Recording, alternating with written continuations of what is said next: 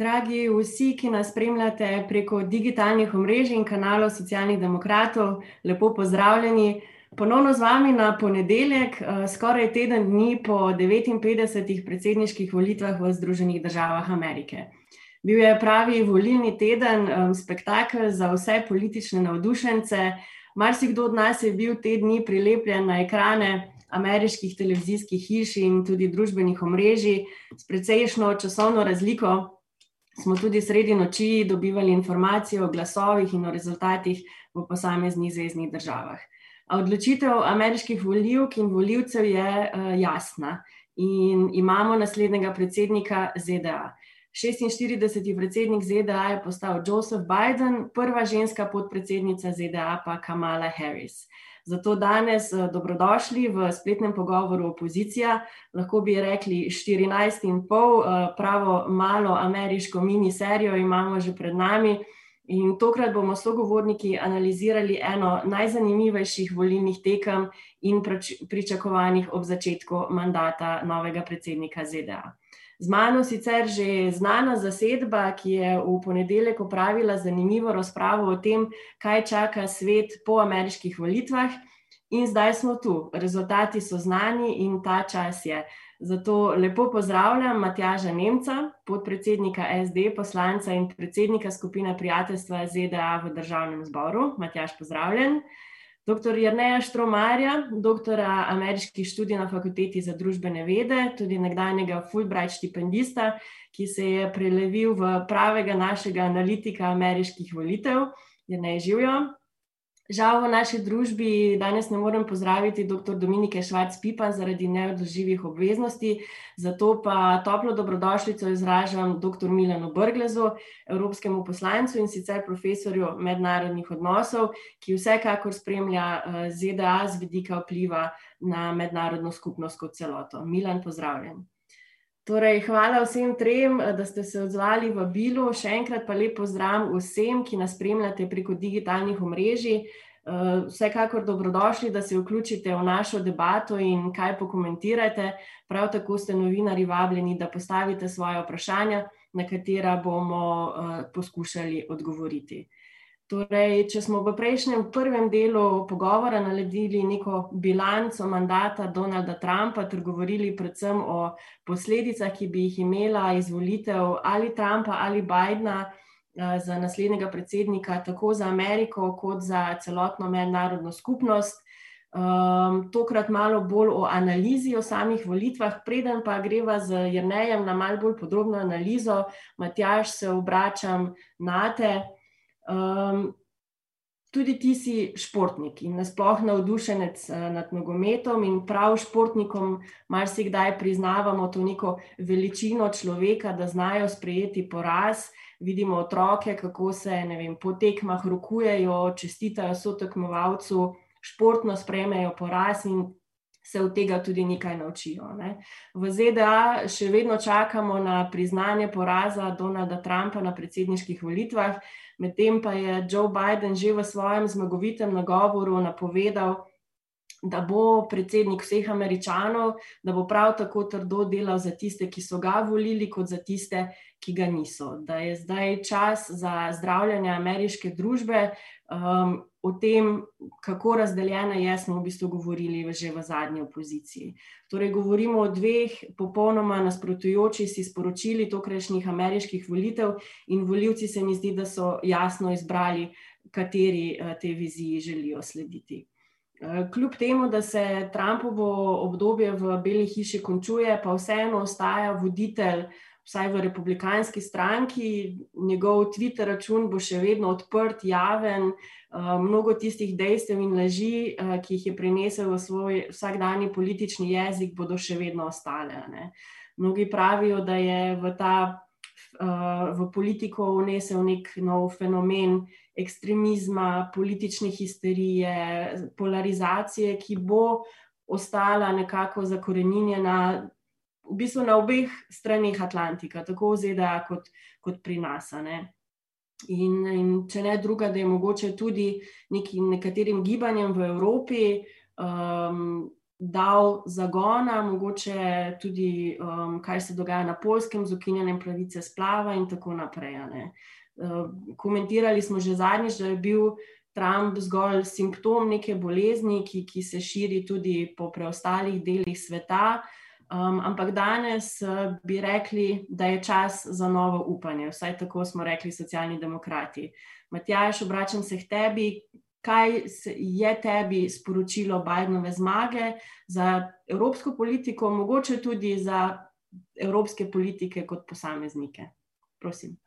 No, politični veterani, tisti, ki imajo že dolgo politično kilometrino, znajo vedno svetovati, predvsem nam, mlajšim politikom, da najpomembnejše je v politiki to, kako odideš iz ene funkcije, kako se posloviš uh, od ene funkcije ter seveda, kako na kakšen način sprejmeš poraz, oziroma zaželiš, bom rekel, tvojemu nasledniku neko dobro politično delo, in ponavadi v ameriški diplomaciji, oziroma politiki, se upravičujem, je to vse le veljalo. Zelo navdihujoči so bili v preteklosti govori, predvsem tistih, ki so bili poraženi na volitvah, predvsem zaradi tega, ker se vedno čaka na besede predsednikov na inauguraciji, kolikor vem, bo v začetku eh, prihodnega leta, torej v januarju. Seveda, pred dnevi smo bili deležni, eh, bom rekel, svežega zrahu, eh, ne samo v, za, bom rekel, večino v Ameriki, ki si želijo predvsem, da bi se te krizne razmere reševale z dialogom, z človeškostjo, z pristopom, ki dejansko združuje, ne pa razdružuje narod. In seveda ta, to ločevanje, to razdruževanje ima konsekvence ne samo v Evropi, ampak v globalnem svetu. In ravno retorika in način eh, politike, ki jo je vnašal v globalni političen prostor Donald Trump, je dajal samodrscem eh, ali pa avtokratom eh, vetra v jadrih. Jaz tukaj bom neizprosen, jaz ne bi ločil Polske, Mačarske od Slovenije. Tudi mi, Republika Slovenija, v zadnjih tednih, če ne prej, v zadnjih mesecih, smo postavljeni vselej v bok eh, tem tako imenovanim populističnim politikam, ki so se tako razbohotile, predvsem od Brexita, torej od leta 2017 naprej, ki so že v Evropi dobili zelo pomembno podporo v Lepenovi eh, politiki ali pa govorimo o, o, o italijanski politiki, govorimo o nizozemski, kjer so dejansko že čutili priokus ali pa okus politike populizma. To je gotovo en pomemben, eno pomembno sporočilo uh, za celotno politiko. Torej, pomembno je, da damo demokraciji prostor, dialogu prostor. To je ključen, ključen, ključno orodje v politiki, ki ga imamo. Prvič je verodostojnost, druga, druga je pa retorika, ki dejansko omogoča ohranjanje nekega dialoga. In te politike se ni posluževal Donald Trump, te politike se ne se ni posluževal Kančinski, te politike se ni posluževal Orban in te politike se ne poslužuje Janez Janša. Torej, Republika Slovenija se bo v zelo kratkem roku uh, znašla pred enakimi eh, izzivi, kot jih je eh, bila pred dnevi deležna uh, Amerika ali pa Združene države Amerike. Zato je zelo pomembno, da izpostavimo vse tisto, kar v politiki ne sme dobiti prostora.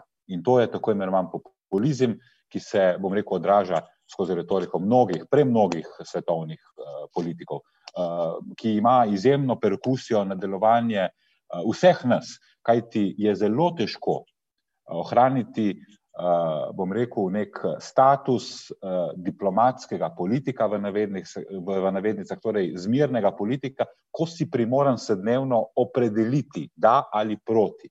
Ampak politika je veliko več kot samo da ali proti. Politika je veda zmožnega. Eh, torej, eh, zato eh, je tako pomembno in jaz osebno zelo pozdravljam ta premik v ameriški politiki, pa ne toliko zaradi Bidna, ki mislim, da ni največji navdih, ampak mislim, da je Kamala Harris tukaj dejansko tista, ki v ameriško družbo bo vnesla neko novo svežino, neko novo razmišljanje. Ne pozabimo, gre za prvi rod migrantov v Ameriki, gre za prvo žensko podpredsednico. Nikdar v zgodovini Združenih držav Amerike uh, ni še ženska zauzemala tako pomembno vlogo, če izključim Kondolizo Rice v, v Bushevi administraciji. Matjaš, hvala. Zagotovo se k tem točkam še vrnemo v naši razpravi o tem, kaj so najpomembnejša sporočila uh, tokratnih uh, predsedniških volitev. Um, vsekakor pa, kot si rekel, ne, ameriški voljivci pa so izbrali za ali proti, so izbrali ali uh, Bidna ali Trumpa. In uh, vsekakor je bil tale volilni teden res prava politična poslastica za vse, ki so zainteresirani za spremljanje volilnih tekem. Uh, Mar si kdo, vključno z mano, uh, danes bolje pozna volilna okrožja v, v Nevadi, v Pennsylvaniji, v Arizoni, kot mogoče pri nas doma. Um, jer ne za vse ostale, pa smo tukaj mi, da bomo naredila krajši pregled, kaj se je dogajalo od uh, torka 3. novembra in v dneh, ki so sledili. Um, Naj spomnim, da je skoraj do dne natančno, pred štirimi leti, potekala tekma um, Clinton-Trumpa, v kateri so javnomnenjske raziskave napovedovale uh, zmago Hillary Clinton, a kot se je že večkrat izkazalo, uh, štejejo na koncu edino glasovi na volitvah in šteje prav vsak glas. Jer ne, ali so tokrat imeli bolj prav, Eh, kje so bila tista velika presenečenja, kje so voljivci odločali o tokratni predsedniški tekmi. No, tokrat lahko rečemo, da so se polstri malo manj zmotili, ampak njihov rezultat je bil še vedno zelo porazen, komaj za neko zadostno dvojko, bi verjetno lahko rekli, mm, ker so napovedovali veliko večjo zmago demokratov, uh, tega ni bilo je bila pa zmaga demokratov, spravi zmaga demokratskega predsedniškega kandidata. Pa če se navežemo na to, kar je prej tovariš Nemec povedal, demokratska stranka je zmagala, mislim, da zadnjih sedem od sedmih volitev, mislim, samo enekrat smo izgubili popular vote. Je pa zanimivo, da so pa 3-0 zmagali takrat, ko so imeli person of color, spravi eno temopolto osebo na svoji glasovnici od leta 2000 dalje. Za vsako, ko so nastopili, pa samo all white ticket, pa so izgubili. In tukaj se potem lahko pogledamo, kaj se je letos v resnici zgodilo, in rezultati letošnjih volitev, če so bile zadnjič, eh, če smo govorili o jeznih belih moških, ki so leta 2016 Donaldu Trumpu omogočili izvolitev v treh tradicionalno demokratskih utrdnjavah, se pravi Wisconsin, Michigan in pa Pennsylvania. Eh, pa lahko tokrat govorimo o zgodbi v štirih mestih. Štirih mestih z visoko temno, uh, populacijo temnopoltih, Atlanta v Georgiji, Milwaukee v Wisconsinu, Detroit v Michiganu in pa Filadelfija v Pensilvaniji. Ta štiri mesta, ta štiri mesta so z izjemnim organizacijskim naporom, z izjemno število volilcev in pa z izjemno visoko podporo omogočili izvolitev Joe Bidena. Lahko bi tudi rekli, da je v bistvu tukaj glas temnopoltih uh, bil jasno slišan, jasno temnopoltih njihovih organizacij, ki se bori ne samo za lažji dostop do glasovanja, ampak tudi za njihove socialne in ekonomske pravice. Nekdo bi tudi celo rekel, da so temnopolti na ta način končno uspeli zadihati v tem toksičnem ozračju, ki ga je povzročala Trumpova politika, in da so zadihali, za razliko od Georgea Floyda, ki je rekel: I can't breathe. Zdaj, Donald Trump v letošnji kampanji v svojo prid ni obrnil niti ene zvezdne države, katero je zmagal 2000, kateri ni zmagal leta 2016. Igral je samo obrambo, relativno uspešno, obranil je Florido, obranil je um, Severno Karolino, kot se kaže, in še katero drugo državo, ki je bila recimo target demokratov, tudi Ohio, kjer so imeli podporo v republikanskem kongresniku in bivšem kandidatu Johnu Caseyku, kar nikako ni bila dovolj, niso bili niti blizu. In mu je res uspelo v teh zadnjih tednih, uh, dnevih, z močnim angažmajem pripeljati svoje volilce na volišča. Uh, to demokrati so se zatekli bolj na predčasno glasovanje, na glasovanje po pošti. Trump je uspel mobilizirati to bazo. To se je dobro poznalo tudi eh, republikanskim kandidatom down the ticket, se pravi za, za, za House, kjer sicer bodo demokrati obdržali uh, manjšo večino, pa v senatu, kjer še ni zaključeno, ampak so se republikanci odrezali mnogo bolje, kot je bilo načrtovano. Uh, tako da Trump je uspel, v bistvu, če primerjamo tiste volilce, ki so samo deklarirani republikanci, povečati svoj delež znotraj tega bazena volilcev, medtem ko se pa lahko Joe Biden svojo zmago zahvali predvsem temnopoltim in pa progresivnim organizatorjem, kot bi rekla Ocasio Cortez, ki so v teh mestih naredili velike napore za to, da je prišlo do zmage. Je pa zanimivo, ne? čeprav je Donald Trump govoril, da je the forgotten man shall be forgotten no more in podobno. Pa je vi, zanimivo videti, v bistvu, kako so glede na ekonomski položaj glasovali posamezni ljudje. V določenih kategorijah Trump še vedno nadpoprečno, glede na republikanske tradicijo, dosega rezultate, pa vendar edina demografija, kar se prihodkov tiče, ki jo je pa Trump zmagal v primerjavi z Bidenom, je pa tisti, ki zaslužijo severno od 100 tisoč dolarjev letno. Pa je to so tisti, ki so imeli največ koristi od njegovih davčnih olajšav, tako da lahko bi rekli, da money talks, bullshit walks tudi pri tem glasovanju. Je pa bilo zanimivo v bistvu spremljati njihovo glasovanje tudi z vidika, kako, kako v bistvu konzervativne oziroma kako ne prestrašene, ampak zadržane so bile večje medijske hiše.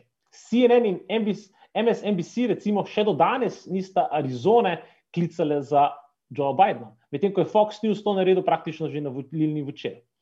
In tukaj so se res zadrževali, in zato smo tudi vse do srede rabili v bistvu za eh, rezultatov. Je bilo pa zabavno gledati šizofrenijo Trumpovih podpornikov in, volil, in njegovega kampanje, ko so se v Filadelfiji uh, skandirali Stop the count, se pravi, končajte z glasovanjem, medtem ko so pa v Arizoni navijali, da je treba šteti naprej. Kakorkoli, uh, v soboto smo uh, dobili projekcije, kdo bo 46 predsednik ZDA, to bo uh, Joseph R. Biden. Uh, s tem bo Trump v bistvu dobil zelo zanimivo dediščino. Ne? On bo prvi ameriški predsednik v zgodovini države, ki bo samo en mandat predsednik, ki je izgubil popular vote in ki je faso impeachment. To je neka trefekta, ki je uspela Donaldu Trumpu in nikomor drugemu do sedaj. Uh, so pa uh, Joe Bidenu že čestitali vsi bivši ameriški predsedniki, razen Trumpa, se pravi uh, Jimmy Carter, Bill Clinton, Barack Obama in pa tudi George, uh, George W. Bush in pa tudi demokratski kandidat za predsednik leta 2019, senator Mitt Romney iz Utah. Trump sicer uh, svojega poraza še ni priznal, je pa, kot se za njegov mandat spodobi, on je pred začetkom mandata zelo veliko kritiziral Baracka Obama, koliko igra golf, sam se je tega posluževal mnogokrat več in v času, ko so prišli rezultati, je bil gospod Trump seveda na golfu, na Black Lives Matter plaza, 100 metrov beg od Bele hiše, je bil pa en velik žur. Ja, ne, eh, hvala za to analizo. Verjamem, da bi lahko šla še v veliko bolj podrobnosti. Verjamem tudi, da si tokrat zadovoljen z rezultatom v Wisconsinu, v tvoji državi. Evo, še dokaz. Um, mogoče vseeno za, za par minut, če ostanem pri tebi. Uh, Trump zdaj na družbenih omrežjih še vedno ustraja, da je le on dobil uh, te zakonite glasove voljivcev. Uh, Trumpova ekipa pa je že vložila številne tožbe proti samemu izidu volitev, nekaj teh je izgubila že v samih dneh, uh, ko so poskušali zaustaviti štetje glasov v, v ključnih zvezdnih državah, seveda neuspešno. Uh, voditelji oziroma guvernerji v zvezdnih državah um, seveda zatrjujejo, da Trumpova ekipa nima dokazov, da so bile volitve transparentne. Uh, mnogi jih označujejo v bistvu kot pravo neko zmago demokracije, kjer res vsak glas šteje, kjer sistem deluje, in da smo ravno zato v bistvu v nekaterih zvezdnih državah morali čakati toliko časa, da je bil rezultat znan. Nas mogoče lahko pelješ skozi nekatere črne scenarije, ki jih še lahko pričakujemo eh, v naslednjih tednih, do tistega 14. decembra, ko morajo biti razglašeni uradni rezultati, oziroma ko bodo sami elektori potrjevali to imenovanje predsednika. Zdaj, pravnih možnosti si bo tako Trump, njegova kampanja, pa tudi njegovi podporniki, ločeno od tega, verjetno še nekaj poizkusil. Nekaj bo tudi tako imenovanega recounta, se pravi ponovnega štetja. Georgia je recimo en takšnih primerov. Uh, ampak velja pa nekaj spomniti. Ne? Zdaj, najbolj legendaren ali pa znam bliž, v bližnji zgodovini primer je ta Florida leta 2000. Ne? Florida 2000 je bila pod nekakšnimi drugačnimi okoliščinami. Zdaj, brat takratnega kandidata za predsednika, Jeb Bush, je bil guverner. Pravi, republikanci so šli na domač teren izpodbijati oziroma braniti rezultate, kaj je bilo, we're going to hold Florida. Ne? Demokrati so takrat pregovorni prišli z vodno pištolico na resen kavbojski obračun in bili neuspešni. Spisi, da bodo demokratski guvernerji v Blue Wall States, ki jih je zdaj ponovno skupaj sezidal, se pravi Wisconsin, Michigan in pa Pensilvanija, ki obvladujejo vse troje demokratski uh, guvernerji oziroma guvernerji in guvernerka, bodo bodo držali rezultat, bodo brani rezultat, pri čemer je pa treba zavedati se, da je v bistvu razlika, s katero je letos zmagal Joe Biden v teh državah, večja od razlike, s katero je zmagal Donald Trump proti Hillary Clinton. Z izjemo, mislim, da v Wisconsinu za nekaj sto glasov v korist Trumpa 2016. Tako da te razlike niso tako majhne. 20 tisoč glasov, recimo v Wisconsinu, so tudi poskušali, rečemo temu v Hillaryjem taboru, še enkrat prešteti, pa videti razliko, pa jim ni uspelo. Tudi razlika, ki je v Pensilvaniji in Michiganu, je takšna, da toliko napak ali pa rečemo tehničnih uh, sprememb ni bilo. Ne dvomimo pa, da bojo poskušali tudi s pravnimi fintami priti do vrhovnega sodišča, ali bo to uspelo, težko zdaj oceniti, uh, kjer bi se Trump, rečemo temu, zanašal na to, da je tri od devetih uh, sodnikov nastavil on v času svojega predsedovanja. Uh, ampak ne bo dovolj.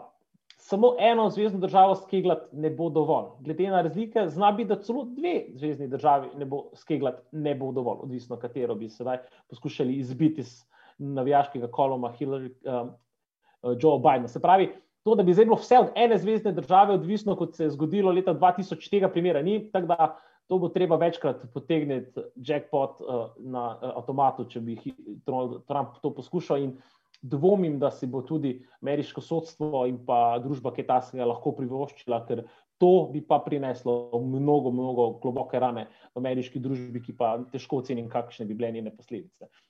Zaradi tega so tudi, po mojem, pohiteli vsi bivši predsedniki, pa tudi Bush, ki se tradicionalno sploh ni več oglašal v politiki, da so čestitali Joe Bidenu. Tudi že vidnejši republikanci počasi prihajajo iz svojih lukenj in ugotavljajo, da mora biti tudi življenje za republikansko stranko po letu 2020, čeprav vpliv Donalda Trumpa ne bo šel nikamor, Donald Trump šel, se bo nadaljeval, je že napovedal novo turnejo svojih zborovanj, kjer bo zanimivo spremljati, kaj bo govoril, če se bo to res realiziralo. Po vsakem primeru bo vpliven gospod ostal znotraj republikanske stranke tudi za, se veste, ko se končajo ene volitve, se začnejo že naslednje. In rezultat, ki ga je dosegel, in to je treba priznati, tukaj so demokrati bili razočarani, tako v senatu kot za House of Representatives, je prišlo do tega, da, da Trumpov nacionalizem in populizem bo, upajmo, da ne sicer tako ekstremni obliki živel dalje. Ne. In tukaj se neki dediči njegove politike bodo pojavili, upamo, da ne celo dobesedno njegovi dediči v tej politiki. Uh, v vsakem primeru. M, Ne bomo, nismo slišali zadnje od njega, upajmo pa, kot je Matjaš prej dobro povedal, da bo športno znal priznati rezultat. Pa tudi, ko mu je var lepo povedal, da je bil gol, ki ga je bil Joe Biden, da se ne bo pretvarjal, da so pa kamere bile slabo postavljene in da je sodnik se zmotil, čeprav očitno se ni. Ne, hvala lepa. Zanimivi so vsekakor tudi nekateri komentarji, da v bistvu eh, republikanci in Trump eh, so sprejeli eh, rezultate volitev za senat in predstavniški doma, ne, usporavajo pa samo glasove za predsedniške volitve, glede na to, da so bile vse te volitve na isti glasovnici. Um, zanimivo ja, je, kako spremljati. To je ta šizofrenija, o kateri se prej govorijo. Tam, kjer jim odgovarjajo rezultati, v redu, tam, kjer jim pa ne odgovarja, pa ni v redu. Veste, uh, na koncu dneva je največ američanov v zgodovini ZDA glasovalo za Josepha Bidena. Ne. Poraz na popular vote, ki ga bo doživel Donald Trump, mislim, da največji poraz v številu v razliki glasov v zgodovini, oziroma eden največjih uh, za incumbent predsednika. Tako da tukaj ima, ne glede na, na število elektronskih glasov, razverja v kongresu, kakorkoli imajo demokrati jasen mandat večine američank in američanov uh, za vodenje Bele hiše. Ne, hvala. Um, Milan, obračam se zdaj k tebi, mogoče tudi iz uh, tvoje nekdanje pozicije kot predsednika državnega zbora. Um, in te prosim, v bistvu, glede na vse to, kar, kar so za njem v zadnjem vprašanju govorila, te prosim za neko oceno, ali so takšne dejanja uh, predsednika Trumpa spodkopavajo samo zaupanje v volilni sistem in demokracijo kot tako. Pač demokracija kot sama je močna, ne? ampak sigurno vseh teh napadov ne more preživeti tako nedotaknjena in neoškodovana. Ja, najprej hvala lepa za povabilo. Drugo pa, normalni odgovor na to je seveda da. Ne more biti drugače. V bistvu, če imaš tako deljeno ljudstvo in v bistvu osnove v bistvu delovanja tako različne, na eni strani vseeno ima bolj racionalni premislek kot takšen, na drugi pa predvsem emocionalna pripadnost. In če ni pravega, v bistvu, če, če dejansko noben ne poskuša vsaj na tisti strani, ki je emocionalna, v bistvu peljati nekega dialoga, potem v bistvu bo ta delitev ostala še naprej. In zaradi tega je Biden govoril o tem, da je treba pozdraviti, oziroma treba pozdraviti družbo, kot bi človek temu rekel. Zaradi tega so nekateri smatrali, oziroma razumejo osvoboditev zraka, dobesedno, tega, da si ljudje ne bodo upali več tistega početi, kar so si zdaj upali, ker jim je pač, ker nimajo zavor, ker ni, ne poznajo zavor. V bistvu. Demokracija predpostavlja, da je tisti, ki vlada, da se samo omeji. Tokrat ni šlo za samo imenovanje, tokrat je šlo za dopuščanje praktično vsega, uporabo vseh sredstev. In v bistvu, kako, kako to, to dvoje prevladati, je zelo težko. In zdaj, če druga stran ne bo znala preseči to, če bo vrnila isto z istim, kot bi šlo k temu rekel, ne, se itak ne more, tega, ker so razmerja taka uh, znotraj uh, v bistvu samega kongresa, pa predsednik to, to dvoje se vseeno deli drug drugega, lahko pravzaprav do določene mere blokira zadeva, ni tako jasno, da bi lahko se izpeljal takšen program brez neke oblike, saj političnega uh, sodelovanja. Na to upam, da bodo pa tudi ljudje pristajali. Čeprav mislim, da ti Trumpovi privrženci bodo še vedno slepo verjeli. Sploh ni važno, je kakšen argument, ni nobenega argumenta, verjeli bojo vsakemu njegovu, vsaki njegovi potezi. Tisto, kar pa je potencialno še bolj zaskrbljujoče, oziroma ni bolj zaskrbljujoče, ampak je nekaj, s čemer bi se pa vsi morali ukvarjati. Ne? Je pa, da je uspel z tem svojim diskurzom nagovoriti številne, ki so povsem izključeni. Zdaj se čutijo, da so vključeni, čeprav na način, ok, nič ne bom naredil za vas, ampak priznavam, da ste. Druga stran, bomo vse naredili za vas, dejansko pa ne bomo ničesar naredili za vas. Ne? In zdaj imaš, kaj zdaj boljš, kaj zdaj boljš. V bistvu, um, in tisto način, na kakšnega jih pa priznava, pa s tem, da tudi sam dela totalne ekscese, In jaz mislim, da bo s to zadevo nadaljeval, zaradi tega bo ta, tole obdobje, ki smo zdaj priča do, te, do točke, ko se bo oblast prenesla, eh, še zelo turbulentno, to je na eni strani. Domnevam, da bo potegnil še kakšne izvršne ukaze, tako čudne, torej jih bo treba še veliko več razveljaviti, ne zgolj tiste, ki so, ker, ker se Biden zdaj pripravlja, da jih bo razveljavil. Uh, in domnevam, v bistvu, da to vsekakor k neki pomiritvi v družbi ne bo prispevalo. Uh, na drugi strani imaš pa nelagodje, vsaj pri, eni, pri normalnem delu, dajmo temu reči, republikancev. Tu obstaja tudi normalni del republikancev, ne? ki nekako razume uh, celotno zadevo in ki se je, kadar so prej izgubili, znal uh, elegantno umakniti, stopiti skupaj za predsednika, ker pač predsednik je funkcija. V bistvu. To ni. Um, mislim, da je ameriška tradicija predsednika drugačna kot naša tradicija, vsaj, vsaj, vsaj do sedaj, na, na, na, na več načinov, tudi zaradi tega, ker ima se da veliko uh, večje pristojnosti in se mešajo te reprezentativne z, z dejansko izvršnimi v, v vseh uh, pomenih besede. Um, ampak to je nevarno to je nevarno, in če druga stran ne bo uspešna, torej, če zdaj Biden pa ne bo uspešen, recimo v boju z COVID-om, ker napoveduje povsem drugačen pristop. Če ne bo uspešen pri drugih, raznih drugih zadevah, se, se zna ta v bistvu, zadeva še enkrat vrniti v precej hujši obliki. V precej hujši obliki, ker tisti, ki so zdaj šli voliti Trumpa, to so taki verniki, ki bodo šli še enkrat, če bo treba. Te številke so pa v primerjavi z vsemi prejšnjimi še vedno večje kot na vseh prejšnjih volitvah. Tokrat je bilo treba ogromno energije zbrati na drugi strani, da, da, se, da se je to zadeva prevagala na drugo stran. Uh, in uh, bo to zelo, zelo težko. In tle, tle smo v podobnih situacijah, kadarkoli se, po mojem, ukvarjamo z takšnimi ali pa drugačnimi oblikami populizma, ker edini način, da, da, da se ga premaga na ta način, da se ga ok, zmaga še že, potem može biti pa kredibilen in, in uspešen in hkrati v bistvu pokazati spoštovanje druge strani. Potem se zadeva mogoče razpusti, ker preprosto druga stran nima več uh, toliko možnosti, da se pritožuje nad tem, kako je izključen.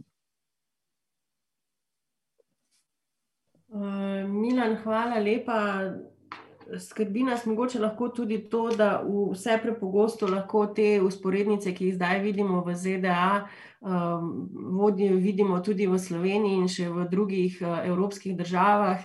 Uh, Matjaš, mogoče se tu obrnem na te. Že prejšnjič v prejšnji opoziciji smo komentirali zdrs um, slovenskega premijeja Janša, če lahko temu rečemo zdrsane. Mnogi namreč trdijo, da ni bil slučaj ali namerna napaka, ampak računica, uh, ki se pač ni šla njegove komunikacije uh, na, na družbenih omrežjih in da je šlo zgolj za neko odvračanje tudi pozornosti od uh, ne vem, neuspešnega uh, boja proti epidemiji v Sloveniji in neuspešne notranje politike.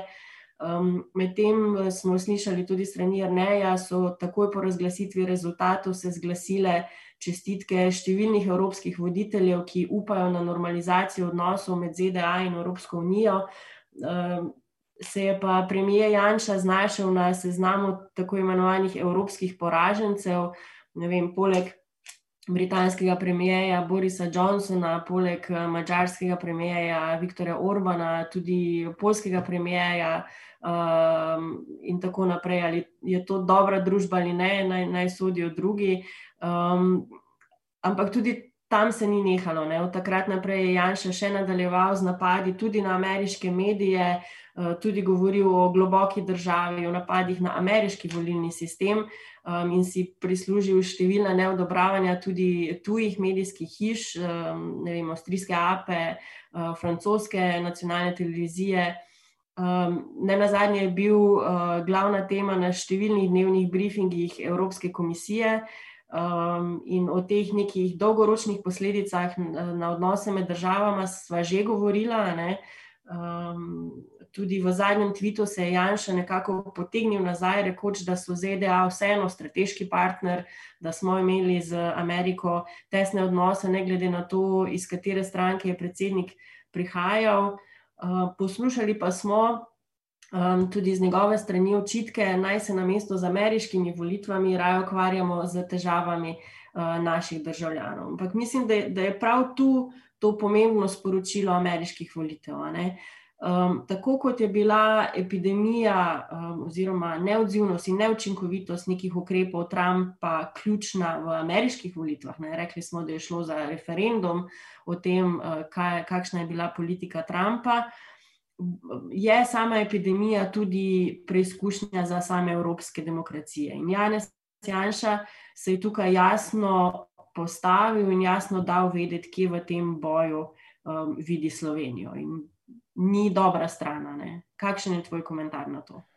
Ja, moram reči, da to je izraz ali pa odraz uh, stanja duha, ne samo osebno pri predsedniku vlade, stranki SDS, vladi, ampak eh, predvsem eh, tistih politikov, ki so želeli izkoristiti to priložnost po njihovem, govorimo o krizi COVID, zato da bi na nek način utemeljili in stabilizirali neko svoj način vladanja, ki diši eh, po avtoritarizmu.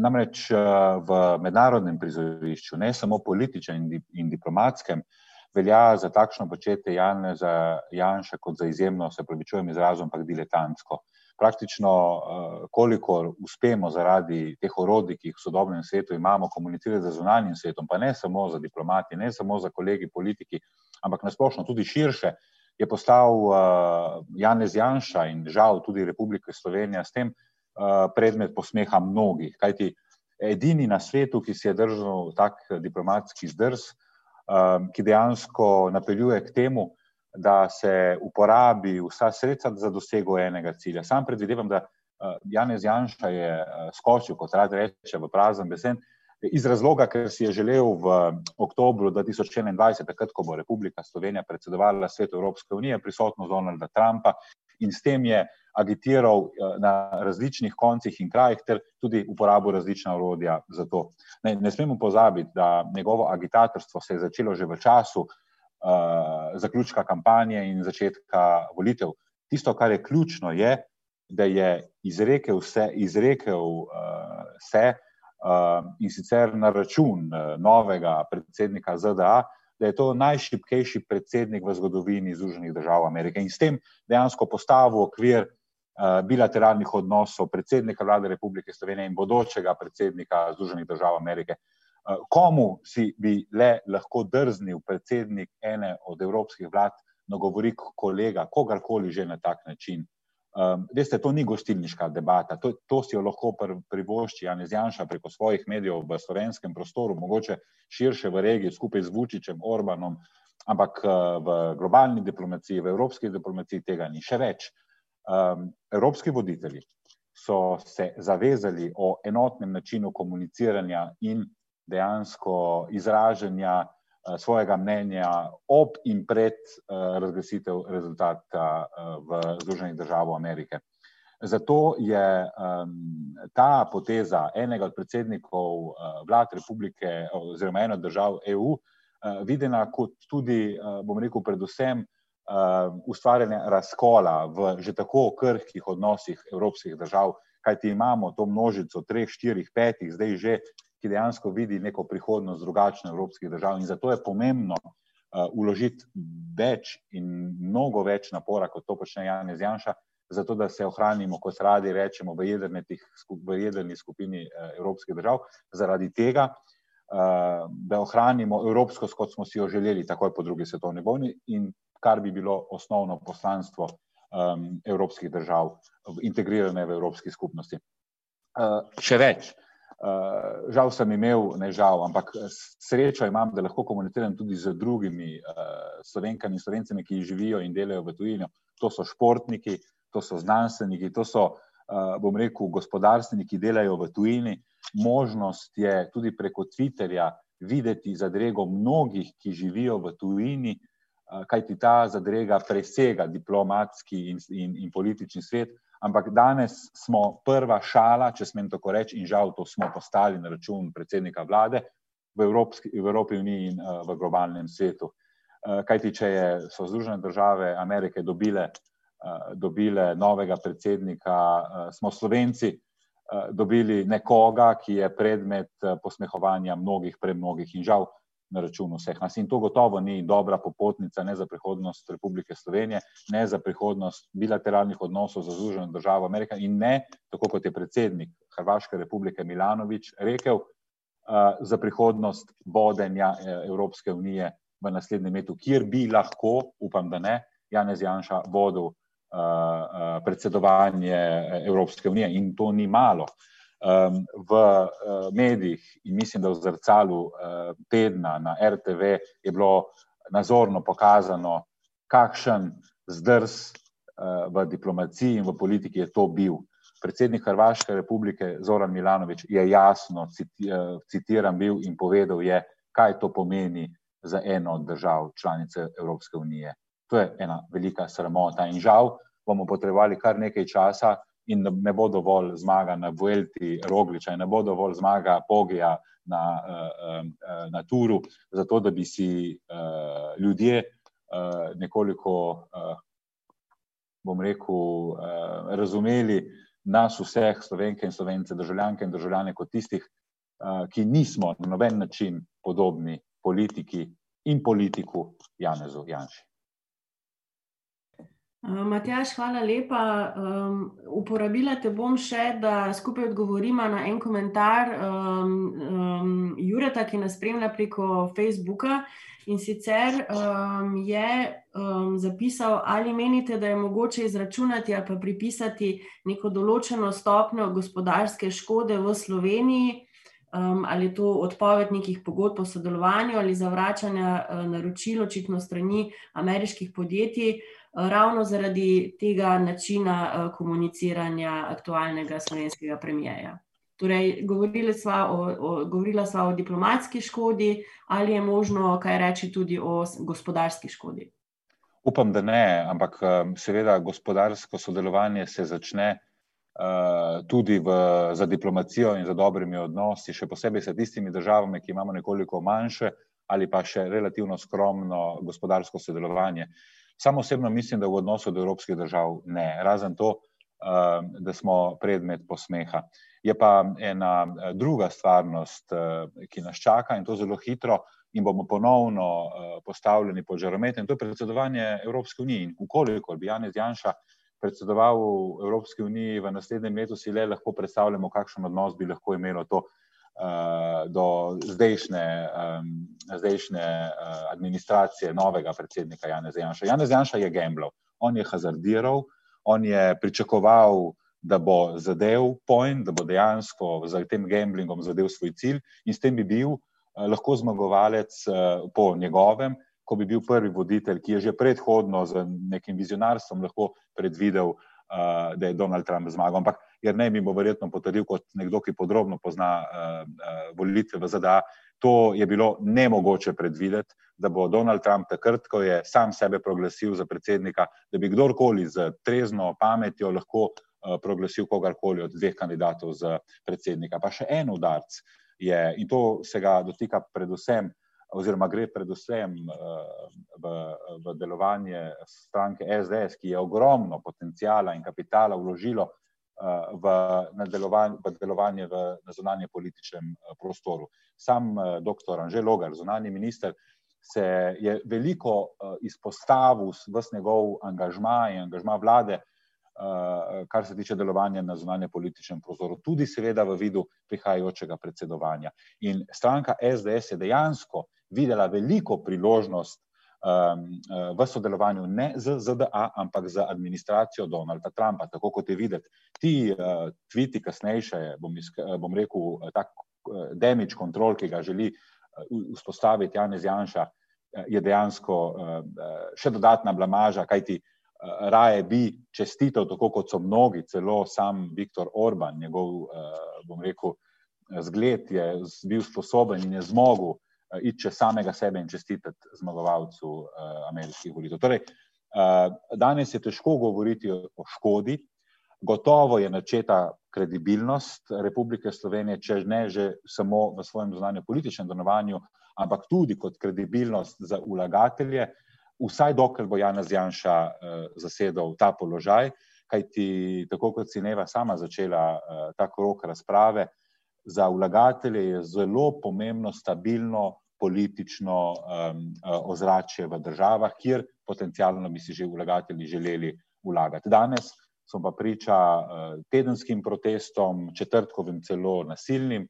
in težko verjamem, da bi potencijalen investitor v danih okoliščinah videl uh, našo državo kot uh, stabilno politično evropsko državo. Matjaš, hvala lepa. Um, mogoče smo zdaj dovolj govorili o sami škodi, ki, ki so jo te ameriške volitve prinesle za Slovenijo.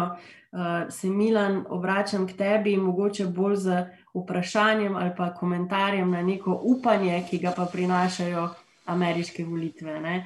Um, danes, oziroma ta teden, ne samo, da smo dobili novega predsednika ZDA, izvoljena je bila tudi prva ženska podpredsednica v, v vsej ameriški zgodovini, tudi prva temnopolta podpredsednica.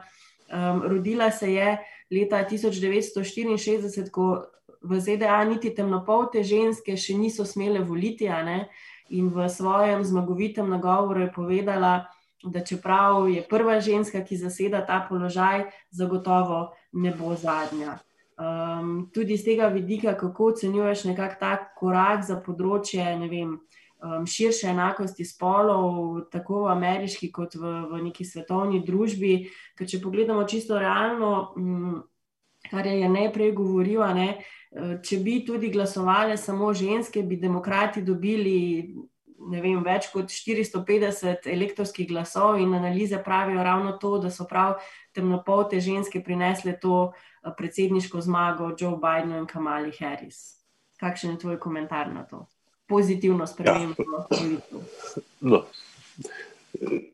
Vedno je vsaka to vrstna sprememba najprej, predvsem simbolno, uh, pomembna sprememba. Uh, Uh, a je potem to tudi realna sprememba, ki bo vplivala na dejansko politiko, to bomo pa še pravzaprav videli. Torej, upanje je, da bo nekaj tazga. Uh, iskreno upam, da se ne bo zgodilo nekaj podobnega, kot je z upanjem, ki ga je zbudil Obama, uh, kjer je celo dobil Nobelovo nagrado takoj, praktično zaradi sam upanja, ne, in dejansko pa ga ni mogel realizirati, glede na vse skupaj, kar se je dogajalo, niti približno.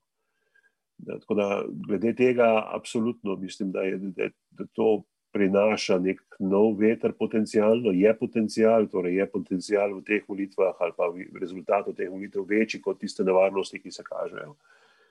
En del zgodbe, drugi del zgodbe, najverjetneje tudi za nadaljno delo v, ali pa nadaljni položaj v bistvu enakosti spolov v ameriški družbi zelo pomembna zadeva. Eh, če bodo tukaj uspeli nekaj narediti, bodo imeli tudi dobesedno tisto svojo bazo zacementirano.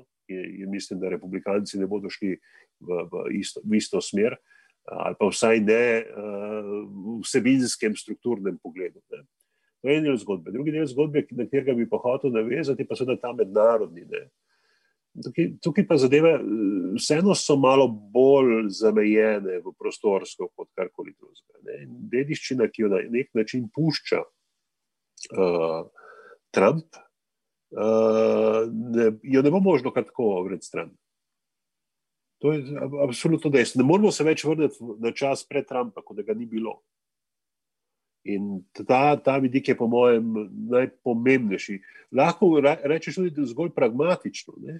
Tam, ker je on upravil umazano delo, ki bi si ga želela katera koli administracija, pa si ga ni upala v, v razmerju do svojih partnerjev, tam ne bodo spremenili stvari, ampak bojo zadevo šli v tam naprej, kot da, kot da si oni pač niso roke umazali. To je en del zgodbe, ki je pač realnost pri, pri teh velikih zadevah. Drugi del zgodbe, ki je pa potencialno le pomembnejši in je spet upanje, ne, da se vračamo v svet, ki bo malo bolj uh, na pravilih osnovan. Vse, ko govorimo o mednarodnem okolju, da se zopet vračamo v, v obdobje multilateralizma, nekega sodelovanja, da se bo mogoče celo uh, kampanja proti Iranu, za katero je Evropa v bistvu zadnji stala za ta jedrski dogovor, da, da, da bo imela neke, ne, neke posledice. Eh, v, v smislu tega, da pač ne bo unilateralnih sankcij strani Združenih držav, oziroma da se bo dalo na nek način zadevo zopet, uh, glede tega jedrskega dogovora, uh, priti nazaj. Uh, in s tem, to pa je na daljši rok pomembna zadeva, ker je Amerika sila, ki počasi izgublja moč. V bistvu, Na drugi strani imaš pa Kitajsko, ki načeloma maksimalno igra po pravilih, ki smo jih postavili, ampak seveda na način, ki jih največji poznajo znotraj tega sveta. Uh, bomo zopet potencialno v položaju, da se bo malo več pravil spoštovalo, in zaradi tega bo mogoče tudi svet na daljši rok varnejši za nas.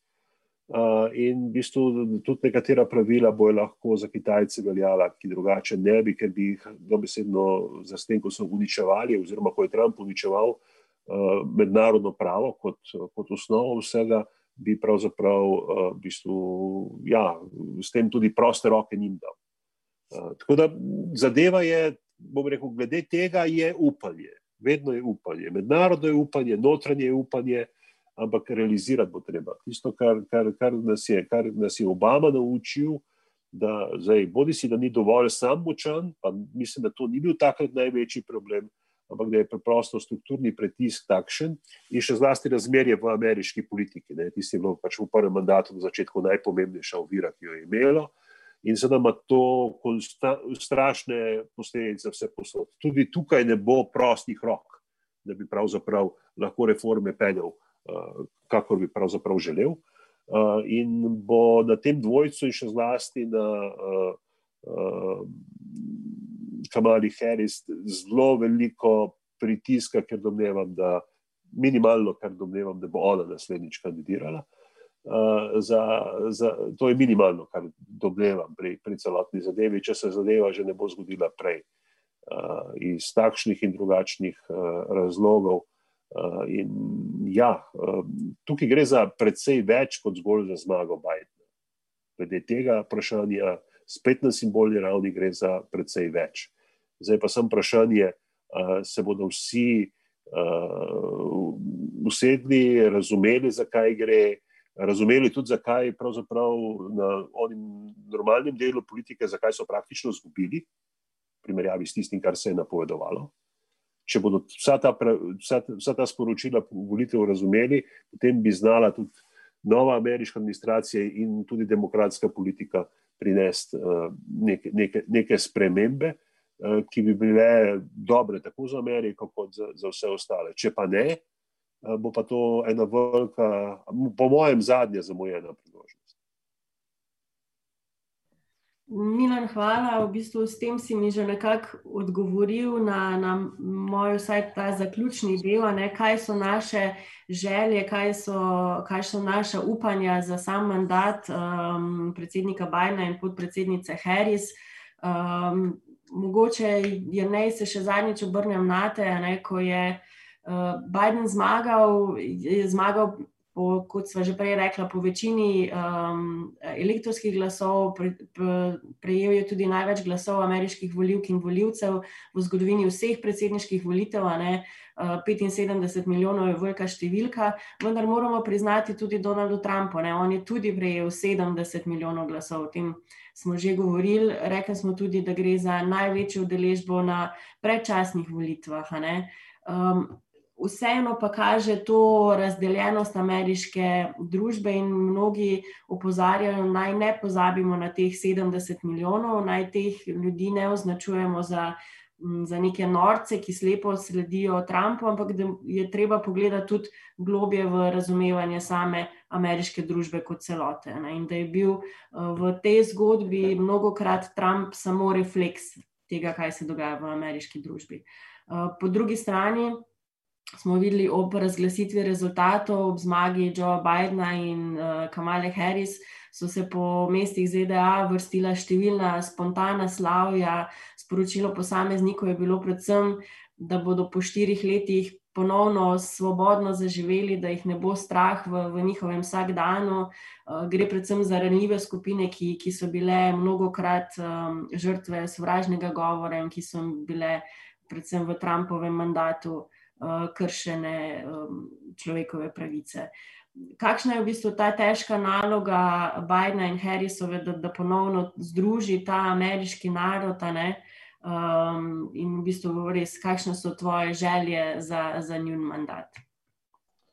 Ja, želje so eno, realnost je pa druga reč. Zdaj, uh, Biden bo zaznamoval ta tesna večina demokratov v hiši, in pa vprašanje, kaj se bo zgodilo v senatu, velika možnost je, da bodo tudi republikanci obdržali večino v senatu, oziroma še manjše, da bi demokrati uspeli pridobiti tam večino. To se bo odločilo na special runoff elections v Georgiji. Začetku januarja, tako da ti bo nedvomno zanimivo in zelo pomembno za začetek predsedovanja Josepha Bidna. Uh, bi si pa upal trditi, da bo Biden res velik trud naredil v tem, da bi poskušal pomiriti strasti. To je bila ena izmed glavnih uh, delo njegove kampanje, rekel, trdil je, da je v bitki za, za Soul of the Nation, spravi za nek duh države kot takšnega. In, in tu bo poskušal, mogoče celo še preveč, do republikanske strani biti odprt za pogovore, za, za sodelovanje. Tukaj bo že znotraj lastne stranke se mu zna zgoditi, da bo imel kakšen upor. Zdaj, zelo zanimivo bo videti, ko, kakšen kabinet si bo sestavil. Ali bo tam več kot en simbolni republikanec, ali bo kdo drug, kdo bo vodja kabineta, kdo bo najpomembnejši ministri. To bo zanimivo spremljati, ker bomo s tem tudi videli v bistvu neko nakazano smer, v katero bo, bo, bo šla administracija Joe Bidna. Zdaj, če bi mogel malo napovedovati, bom rekel, da upam in verjamem, da bosta skupaj s Kamala Harris nekaj naredila glede rastnih tenzij, glede neenakosti in pa predvsem glede tega odnosa do policije in temnopoltih. Tukaj bo, bodo neke reforme, kakšne bodo, težko zdaj le pokažemo, kot tudi Kamala Harris ni imela najbolj progresivne zgodbe v preteklosti na tem področju, tudi Joe Biden, ne, tako da tukaj bo njihov odnos tudi do ostalih gibanj zelo zanimiv. A, dvomim, da bodo na področju zdravstvene reforme uspeli kaj več kot upajmo, vsaj neko, za dobrobit američanov, vsaj neke manjše popravke, pa vsaj neke popravke Obamacare, Medicare for All se ne bo zgodil v tem sklicu, najverjetneje, pa tudi Biden ga ni napovedoval. Sam pa največ upanja, če tako želimo, lahko rečem, polagam v njego, njegovo politiko na področju boja proti podnebnim spremembam. In tukaj tudi pride po vprašanje, kaj to pomeni za nas in cel svet. Zdaj, Joe Biden, če se spomnimo, peden je postal podpredsednik ZDA pod, pod Obamo in bil predsednik njihovega odbora za zunanje politiko v senatu. To ni nepomembna funkcija, to je izjemno pomembna funkcija. In Joe Biden se bo vrnil, na, bo vrnil ZDA na ameriški, eh, na mednarodni zemljevid, v smislu, kot je govoril Milan, v teh starih, ustaljenih vzorcih. kjer upajmo, da bo zgradil ponovno stara zavezništva. Zdaj, kar je Angela Merkel recimo opisala, je čisto drugače kot to, kar je Angela Merkel pisala Donaldu Trumpu pred četrimi leti. Da, tukaj upajmo, da se bodo obudila neka stara zavezništva, ZDA, Evropska unija, ki pa je seveda zelo pomembno v, v današnjem svetu, tudi v odnosu do Kitajske, Rusije in drugih sil, ki se pojavljajo na tem prostoru. In tukaj je tudi interes Slovenije. Mi, mi, mi si želimo aktivno vlogo ZDA pri iranskem jedrskem sporozumu. To, to je nam v in, našem interesu. Mi si želimo, da ZDA ponovno pristopi pariškemu podnebnemu sklepu. To je nam v interesu. In če smo prej ugotavljali, da si je nekdo predvsem želel v Sloveniji sodelovanje z Trumpovo administracijo, mogoče je bilo to kratkovidno, egocentrično, interesno samo za nje, ni bilo pa dobro za državo. In z tega vidika bi spomnil na to, kar je minister Logan na svojem hearingu napovedal: okrepitev zunanje politične moči v odnosu z ZDA. Zdaj, ta napoved ministra Logana se ni dobro postarala in se bo v luči tega, kar se je dogajalo, težko realizirala. Ker se tudi naše zunanje ministrstvo v končni fazi, za razliko od nemškega, francoskega in še kakšnega, britanskega, ni odzvalo. Pravi, mi smo se sicer, mislim, v soboto so se odzvali na zaskrbljujoče dogajanje v Etiopiji, se je slovensko zunanje ministrstvo v soboto odzvalo, na dogajanje v ZDA pa niso utegnili se odzvati, najverjetneje še niso dobili navodil z kabineta predsednika vlade. Ampak to je druga zgodba. Kakorkoli. Uh, najverjetneje bo Joe Biden šel za sredinsko politiko. To je tudi napovedal. On je večkrat povedal: I am not Bernie Sanders. Uh, progresivne sile ga bodo tiščale, kar se da levo, ga bodo držale za besedo glede platforme. V resnici je tudi lahko hvaležen progresivnim silam za svojo izvolitev. V kakšni meri bo on uh, tukaj bolj, kot rečemo, corporate democrat, bolj moderate, bolj isko sodelovanje z republikanci, bo zelo zanimivo. Njegov odnos z Mitch McConnellom, tem je starejšim gospodom iz Kentuckija, ki je bil ponovno izvoljen in je šef republikancev v senatu, bo vsekakor zelo zanimiv. Sta oba dva resnici politika stare šole, tako da tukaj bo on trdi, da bo poskušal najti način, da bosta sodelovala. V resnici, ga, ko je bil podpredsednik pod Obamo, že nista našla. Ne, in zato tudi lahko se Trump zdaj pohvali z ustavnimi sodniki in zvezdnimi sodniki in tako dalje, zato ker so republikanci že obami blokirali mnogo stvari. Tako da ta, ta, ta razmerje moči in do katere mere bodo našli skupne rešitve, bo, bo zanimivo spremljati. Vsekakor pa lahko pozdravimo to vrnitev ZDA na, na svetovni politični zemljevid, kjer bojo manj ilizacionistični in bojo bolj igrali po nekih pravilih multilateralizma, o katerih je govoril kolega Tovariš Brgles. Za nas pa je zagotovo v interesu pač ZDA da napolni vakum, ki bi ga sicer Kitajska in pa Rusija, vsaj z vidika EU, ZDA, zavezništva. Eh, bomo pa verjetno si vsi zapomnili obdobje, kot je bila Slovenka v Beli hiši, kot eno, bi si priznali ali ne, tudi zamojenih priložnosti, ampak verjetno ne samo z naše strani. Melania Trump, če bi želela, bi lahko obiskala Slovenijo, zato se ni odločila. Zakaj se to ni odločila, ve ona sama verjetno in pa kdo v naši diplomaciji. Uh, tudi kakšne greenfield investicije ali pa dobrega sodelovanja na gospodarskem področju tudi v tem času ni bilo, čeprav je kdo oblekel črno krvato in šel v ZDA, ampak to je že malo pod pasom. V vsakem primeru pa bomo videli, kaj bo to prineslo za, za svet, mi bomo pa bomo verjetno tudi, predvsem, stranski igralec. Smo se pa v zadnjem tednu vsaj malo v politikove članke uspeli zapisati, čeprav ni najbolj lep način. Hvala, Ernest, za ta komentar. Eh, Matjaš, na tebe se obračam. Kaj je to upanje za te, ki ga prinaša še novo vodstvo, nov mandat Bidna in Harrisove? No, zanimivo je, ker ravno Hope je bil eden od sloganov v eni od dveh kampanj. Eh, najprej bila Yes Weekend, druga je bila Hope, to govorimo o Baracku Obami, ki je, hočemo, nočemo priznati, tudi eden od tistih generatorjev, ki je dejansko omogočil politikam, kot je Donald Trump, da je pred štirimi leti lahko zasedel ta prestol. Namreč, um, um, vsaj bom rekel, kratka zgodovina, ko govorimo od uh, ameriška zgodovina, ko govorimo vsaj od 21. septembra na zdaj in, in politika, uh, ki je dejansko uh, sprožila fenomen Donalda Trumpa, uh, je tista, ki je uh, v bistvu ogledalo diametralno nasprotne politike, ki bi jo moral zagovarjati Biden. Res je, za marsikoga ni predmet navdiha. Je klasičen politik z, bom rekel, izjemno kariero.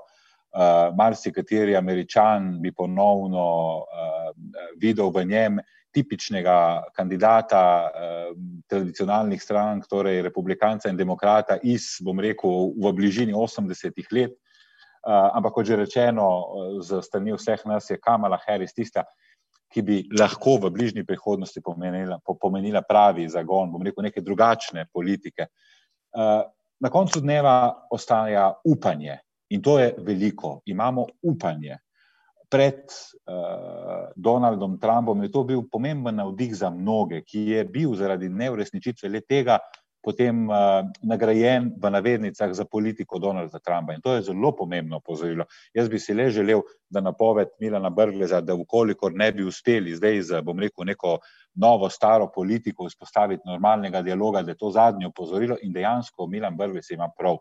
Mogoče je pa res zadnje opozorilo za to, da se dejansko lotimo nekega procesa na, na drugačen način. Tisto kar, je, um, tisto, kar je naredilo Donalda Trumpa, je predvsem napačne politike obeh, tako Busha kot Baracka Obama, ki je bil veliko upanja. Ampak na koncu dneva, da ne bom uh, predolg, uh, seveda Biden sam po sebi ne pomeni uh, nekega izjemnega navdiha v veliki meri ga ljudje razumejo kot politika, ki je bil izvoljen predvsem zaradi tega, da ne bi se nadaljevala politika Donalda Trumpa, kot že rečeno, imamo vsaj upanje. In danes v tem norem svetu je že to ogromno. E, torej, dajmo se oprijeti tega upanja in ga poskušati tudi uresničiti. Tako je, hvala, Matjaš, in hvala vsem trem mojim komentatorjem. Ta teden je bil res velik teden za, za demokracijo, za upanje, za svobodni svet, kot so ga označili mnogi svetovni voditelji, kot tudi nekateri strokovnjaki pri nas doma. Kot je Jrnej um, že napovedal v prejšnji izvedbi opozicije in na, je na to v svojem zmagovitem govoru oznanil tudi Biden. Amerika je ta lok moralnega vesolja spet upognila v smer pravičnosti. Jutrišnja realnost novega predsednika ZDA vseeno ostaja soočanje z epidemijo, ki je prav zaradi neučinkovitih ukrepov in nepriznavanja stroke, tudi znanosti strani Trumpa, vzela življenje že več kot 233 tisoč američanom, še več jih bo verjetno zaradi globoke revščine tudi nedelujočega zdravstvenega sistema in ekonomske krize. Kot smo rekli danes, čas je za optimizem, čas je za upanje, ki tokrat prihaja z Joe Bidenom, 46. predsednikom ZDA in Kamalo Harris, prvo žensko podpredsednico ZDA. Z vami smo bili Matjaš Nemec, dr. Milan Brgles, dr. Inej Štromar in Neva Grašič. Hvala za družbo in vsem za debato, in lepo zdrav, do naslednjič. Naprej, podcast socialne demokracije za napredne spremembe.